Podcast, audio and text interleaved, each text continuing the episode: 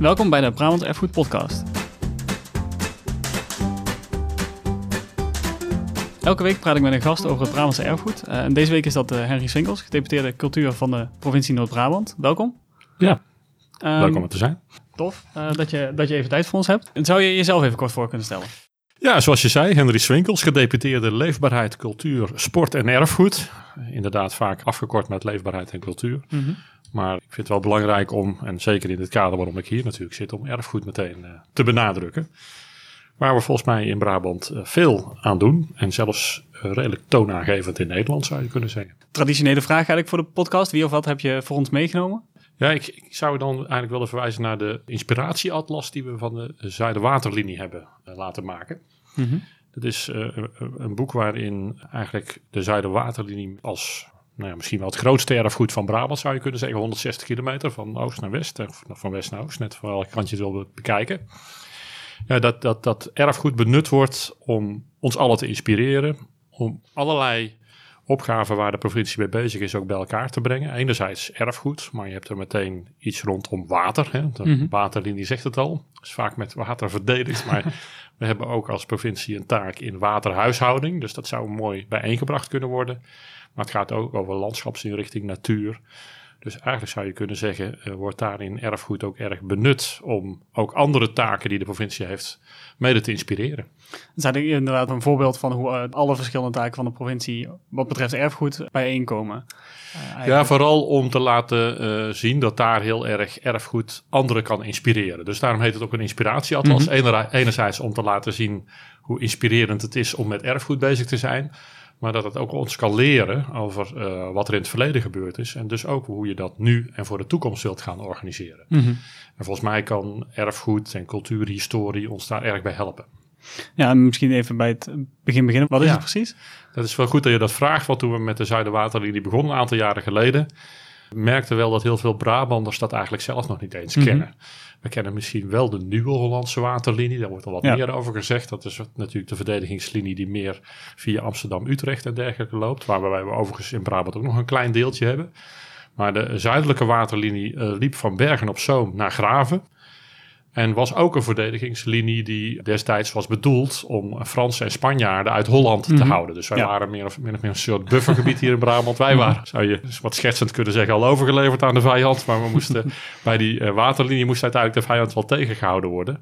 En dat is een eigenlijk ingenieus uh, systeem van vestingsteden, forten op de wat zwakkere plekken. En op, op de rest werd het land onder water gezet. Mm -hmm. Zeg maar zo hoog dat je er eigenlijk niet door kon varen. Maar ook niet meer met je kanonnen en je paarden en je leger doorheen komt. Dat echt een natuurlijke blokkade weg. Daarmee een natuurlijke blokkade, in ieder geval voor de middelen die toen iedereen ter beschikking mm -hmm. stonden. Want ja. uh, nadat de, de, vliegtuigen hun intrede deden, zou je kunnen zeggen, verloor het daarmee ook zijn functie. Ja. Ik, ben hem, ik ben hem nu aan het wandelen. Hè. Ik ben, mm -hmm. probeer in twintig etappes de Zuiderwaterlinie uh, voetgangerspad te bewandelen. Die is overigens dan wat langer dan de linie zelf, want je kunt niet helemaal precies de nee, linie ja. volgen. Dus dat wordt iets van 180, 190 kilometer. Maar daarmee blijkt wel dat het een eigenlijk fantastisch gebied is. Wat je als je te voet wandelt, en zeker dat ik daar mensen spreek die daar in de buurt wonen en vaak al heel veel ervaring daar hebben, daar zijn ze opgegroeid. En je ontdekt eigenlijk de mooiste plekjes gewoon die heel lang verscholen hebben gelegen. Omdat mm -hmm. die fortificaties en die verdedigingswerken, dat is heel lang ook overgeleverd aan de natuur. Dus die zijn bebost raakt, uh, uh, overgroeid. Uh, mensen wisten wel dat daar een beetje heuvelachtige constructie lag. En hebben daar vroeger als kleinkind gespeeld. Mm -hmm. Maar nu wordt het allemaal herontdekt als die grote linie. En ik vind het wel mooi dat het eigenlijk op die hele kleine schaal mooi is om mee te maken. Maar ook op die hele grote schaal, Brabant breed, als je erboven zou kunnen vliegen, is het ook een indrukwekkend geheel samen. Zeg maar de hele, de hele linie en de kleine verhaaltjes die er natuurlijk op lokaal niveau heel erg aan vast uh, hangen aan de losse onderdeeltjes uh, en de losse dingetjes. Ja, daarmee ma maak je het ook een, een, een erfgoed wat van iedereen is ja. en op zijn eigen manier en hoe je erbij opgegroeid bent en de verhalen die eromheen hangen, dat hoort allemaal bij erfgoed beleven mm -hmm. ook. Ja. ja. en heb je een voorbeeld van een, een, verhaal wat je nu tegen bent gekomen op zo'n lokaal plekje, wat je echt tot de verbeelding sprak of uh, wat echt bij je is blijven hangen? Ja, verschillende. Oh, ik heb nu drie routes gelopen en eigenlijk hebben ze allemaal hun eigen kenmerk. In de eerste liep een kanonnen-expert mee. Dat is ook Mhm. bijzonder, want Ja. iemand die eh, zoveel kennis draagt van kanonnen en dus blijkbaar bij het kanon al zien kan noemen uit welk land het komt en waar het uitgemaakt is. Dat is, dat is een bijzondere expertise. dat lijkt me heel bijzonder Ja. inderdaad. Ja. En, ja, daardoor kom je dus ook weer met details in aanraking dat- waar je anders ja, zomaar aan voorbij loopt. En de afgelopen keer was ik bij beneden Sas. Dat is zeg maar het meest westelijke deeltje van waar het Volkerak als het ware aansluit aan de Zuiderwaterlinie. En dat is nog een heel mooi sluisje. Ik was er gewoon nog, no- zelf nog nooit Mhm. geweest. En dan zie je opeens zo'n pareltje, wat ook gewoon tot de Zuiderwaterlinie behoort. En een hele mooi ensemble van een sluisje en een eh sluiswachtershuisje. Maar ook nog een fantastisch natuurgebied daar in de, in de buurt. Dus ja, ik zou bijna iedereen uitnodigen. Om- Eh, om mee te lopen. Zoek in de buurt, want je bent eigenlijk nooit heel ver weg van de Zuiderwaterlinie. Zoek die Zuiderwaterlinie op en volgens mij word je verrast door wat je daar allemaal aan Door wat je allemaal vindt. Ja. Ehm, en we begonnen bij de, de inspiratie-atlas. Ja. Ehm, hoe is die tot stand gekomen? Eh, op het moment dat wij met die Zuiderwaterlinie wat serieuzer aan de gang wilden, omdat we zeiden, ja, het is eigenlijk te mooi dat zo'n waterlinie Oost- en West-Brabant aan elkaar verbindt. Daarom is het een opgave Mhm. voor vele gemeenten gezamenlijk. Wat zou er nou moeten gebeuren om ook inzicht te krijgen in wat dat dan allemaal zou kunnen betekenen? En daarop de opdracht verstrekt om zo'n inspiratieatlas te maken. Dat is uiteindelijk ook eh, misschien wel nog mooier geworden dan we destijds eh, dachten Mhm. eh, wat zou kunnen. En dat kwam denk ik ook omdat er vooral gekeken is naar wat is het ook in de toekomst. Niet alleen maar naar het verleden, maar hoe krijgt het ook nieuwe bestemmingen. En wat zou daar inderdaad ter inspiratie van uit kunnen gaan. Waardoor dat die nog meer tot onze verbeelding gaat spreken. En eh, aansluitingen vindt bij waar vele mensen in die omgeving ook mee bezig zijn. Hoe maken we dat aantrekkelijker voor recreatie? Maar zoals net gezegd, er, zitten vaak heel veel eh, zaken die je in, een, in zo'n omgeving met elkaar te regelen hebben. Nieuwe woonwijken. Eh, we hebben een opdracht om te kijken hoe we onze waterhuishouding, hoe we water langer vasthouden in het landschap. Maar ook hoe Mhm. we met het afvoer van water door onze rivier, hoe we dat beter doen. De dijkverzwaring of meer ruimte voor de rivier. Nou, die, dat soort plannen komen er allemaal bij elkaar. En dat levert wel op dat als zo'n inspiratieatlas je leest, je opeens denkt van hé, hey, als we dit weten eh, uit het verleden, dan geeft dat ons meteen een soort handleiding naar onze toekomst. Ik merk gewoon als je het leest, raak je daardoor enthousiast. Ja, als je ziet dat het, het verleden zo'n inspiratie kan zijn, Ja. eh, lijkt me dat enorm, eh, enorm En, en toen mooi. hebben ze ook gewoon heel erg goed gekeken naar dat landschap. Waar moet wat komen? En het feit dat zo'n vestingwerk ergens gebouwd is, ja, dat is dan net een zwakke plek in de linie. Dus dat was wel eens een hoger gelegen gebied.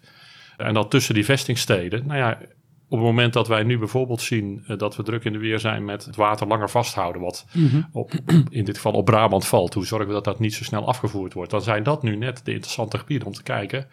Daar waar water destijds vastgehouden werd om, eh, om ons land te verdedigen, ja, zouden we dat nu opnieuw zo'n functie kunnen geven.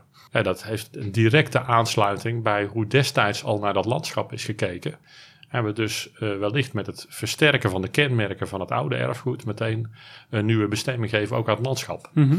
Ik ben nog niemand tegengekomen die daar dan niet enthousiast van wordt ter inspiratie. Dus Nee, exact. dat, eh, Ehm, en wordt daar meteen al iets onder, op ondernomen eh, momenteel? Of is het vooralsnog echt de inspiratie en een, een samenballing van dit weten we erover en dit zouden we er eventueel mee kunnen? Nou, hij gaat nu leiden, denk ik, tot wat concretere plannen. De provincie en de gemeente en zo zijn nu ook druk in de weer met de omgevingsvisie. Dat is eigenlijk een, een, een wetgeving die ervoor moet gaan zorgen dat we straks op een andere manier met onze ruimte omgaan. Het moet eh, enerzijds wat eenvoudiger worden dan al die regelgeving Mhm. die we nu kennen. Maar daarmee ook de regionale verschillen die daarin zijn kunnen duiden. Dus daarbij merk ik dat zo'n historische onderlaag een enorm belangrijk hulpmiddel is. Om- Ja, want dan heb je natuurlijk echt over ruimtelijke ordening. ja, Die dan wordt, gaat worden geïnspireerd door de geschiedenis eigenlijk van een, van Ja. een plek. Ja, je zou kunnen zeggen, volgens mij kunnen we over heel veel belangen met elkaar discussiëren. Mhm. Maar het historische verhaal van een landschap, dat is er gewoon. Hè? Dat Mhm. kunnen we niet met elkaar gaan ontkennen. We kunnen bedenken waarom het er nu zo bij staat. Vanuit de geschiedenis die daar heeft plaatsgevonden en wat er in het verleden is gebeurd. Maar dat is een mooie handleiding om ook te bedenken wat er dan in de toekomst zou Ja. moeten gebeuren.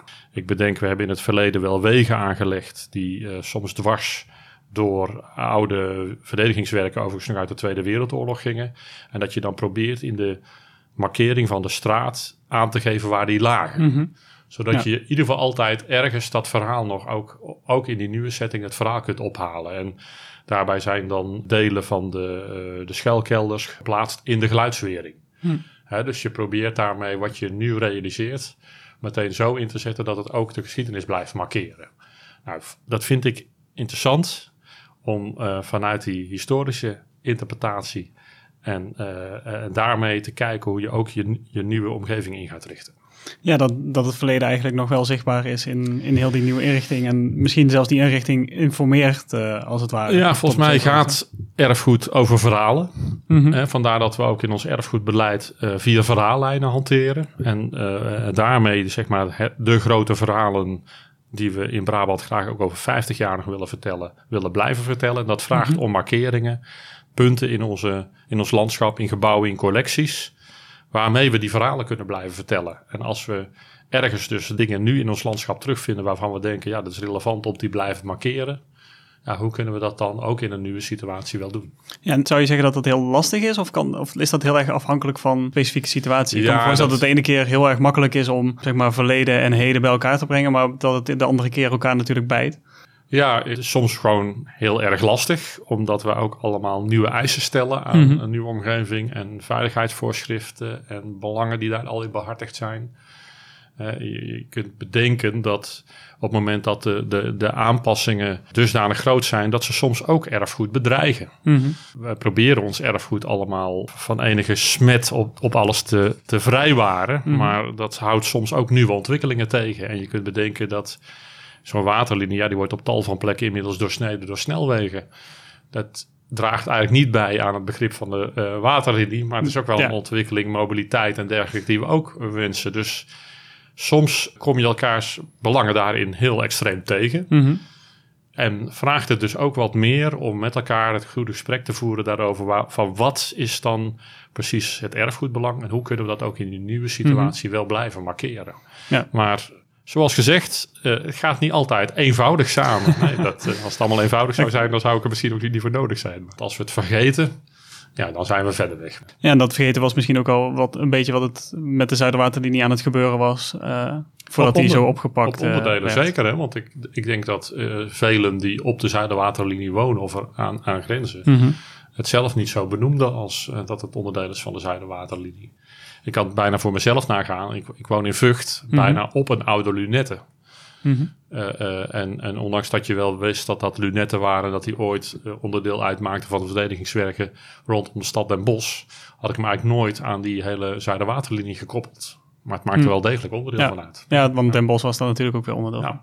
En even lunetten zijn natuurlijk een soort van ja, hoekpunten, fortachtige constructietjes uh, ja, voor een... Vooruitgeschoven posten. Vooruitgeschoven posten van een uh, ja. verdedigde stad, in dit geval dan uh, ja. Den Bosch. Waar inderdaad een heel groot deel van Vught eigenlijk bovenop ligt. Ja, maar goed, dan kom je, ja, dat is misschien is dat nog wel de beste illustratie van het dilemma wat je af en toe hebt als, als ja, gedeputeerde. Ja, daar, daar kun, zou je kunnen zeggen, in het verleden zijn daar keuzes gemaakt om daar complete woonwijken op te bouwen. Uh, in de vaart der volkeren en de innovaties en uh, ja, waar, waar, we ook allemaal aan, aan, vorm willen geven. Maar het vraagt voortdurend uh, belangwekkende keuzes over hoe doe je dat goed. Mm -hmm. ja. En zou je dan bijvoorbeeld, om daar maar verder op dat voorbeeld in te gaan, mm -hmm. zou je voor het erfgoed en het terughalen daarvan de boel willen ontbossen, zal ik maar zeggen. En allemaal weer vlak land creëren, zodat we, dat we zien hoe die verdedigingswerken destijds in het landschap Ja, je kan, natuurlijk, je kan natuurlijk voorstellen om nu die lunetten te gaan herbouwen. Ik denk dat heel veel mensen in Vught dan uh, hun huis kwijtraken. Ja, um, zullen we niet doen. Uh, maar in theorie is dat natuurlijk het, een, een van de uiterste van het, het, het keuze- of het dilemma-spectrum nou. eigenlijk waar je, waar je op zit. Ja, het schetst in ieder geval hoe je voortdurend verschillende belangen met elkaar af te wegen hebben. Ja. En, en, dat is natuurlijk ook politiek bestuurlijk, zowel lokaal als provinciaal als landelijk het geval. Wij dienen voortdurend belangen af te wegen. En uh, nou ja, laten we in ieder geval verzekeren dat erfgoed daar een uh, belangrijk uh, onderdeel in is. dat lijkt me wel heel erg relevant dat we met elkaar, zoals ons beleid eigenlijk ook zegt, over 50 jaar belangwekkende verhalen voor Brabant kunnen blijven vertellen. We doen dat rondom enerzijds militair erfgoed. Mm -hmm. Anderzijds religieus erfgoed, industrieel. Dan noemen we dat nog de uh, bestuurlijke kant, waar we naar landschappen en kastelen en dergelijke mm -hmm. kijken. En ja, die verhaallijnen, verhaallijnen, Ja, dat ja. zijn de vier verhaallijnen die we proberen uh, dusdanig vorm te geven dat dat, dat ook een soort leidraad wordt over van wat blijft dan belangrijk. Als we dan moeten kiezen in ons erfgoed uh, tussen wat we allemaal wel en niet uh, behouden, dan proberen we het vooral te kijken van zijn het nou belangwekkende gebouwen, monumenten, collecties of situaties of ensembles mm. die met name dat verhaal kunnen blijven vertellen. Ja. Want laat ik helder zijn, de andere kant is ook dat er zoveel erfgoed is dat we niet alles kunnen behouden. Dus we zullen soms ook uh, scherp moeten kiezen van wat we dan wel doen en wat we dus ook laten. Voor een deel zullen we dus ook van uh, wellicht monumenten of plekken soms wat afscheid moeten nemen. Dat is de, de andere kant van het, uh, van het dilemma eigenlijk. Ja, dat is ook zo. Ja, maar dan denk ik wel, dan moeten we er ook voor durven te staan over wat dan de goede keuzes daarin ja. zijn.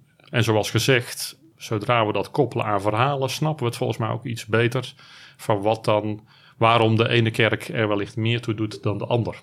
Ja, ja altijd het dilemma, want uh, dat kunnen we enerzijds op die verhaallijn ophangen, maar er zit ook altijd een lokale gemeenschap omheen, die altijd natuurlijk iets met hun eigen kerk hebben. Mm -hmm. En ik wil daarmee ook helemaal niet zeggen dat als die niet in onze verhaallijn opduikt als prominent of belangrijk, dat die daarmee niet om andere redenen mm -hmm. belangrijk is. Dan is, het, dan is het wat mij betreft ja. ook vooral aan die gemeenschap om te kijken hoe ze dat een, een nieuwe bestemming geven. Nou, in elk geval uh, enorm bedankt dat je even langs wilde komen. Ja, leuk. Dit. En uh, voor luisteraar nog, zoals misschien ondertussen wel bekend is, vind je op uh, brabantserfgoed.nl slash podcast de afleveringspagina bij deze aflevering. Daar staan ook de achtergrondteksten bij de Zuiderwaterlinie die we al op het platform hebben staan. Uh, en eventuele andere literatuur die we kunnen vinden en andere leuke linkjes. En op brabantserfgoed.nl slash podcast vind je ook de vorige afleveringen uh, met hun bijbehorende pagina's. En daar vind je ook allemaal weer linkjes naar de audio van de uh, aflevering op je favoriete streaming. Nogmaals, Henry, uh, enorm bedankt dat je even langs Ja, leuk. Wat ging dat kwartier enorm snel ja. ja. Ja. dat is altijd, gaat sneller dan je denkt. En voor de luisteraars tot een volgende keer.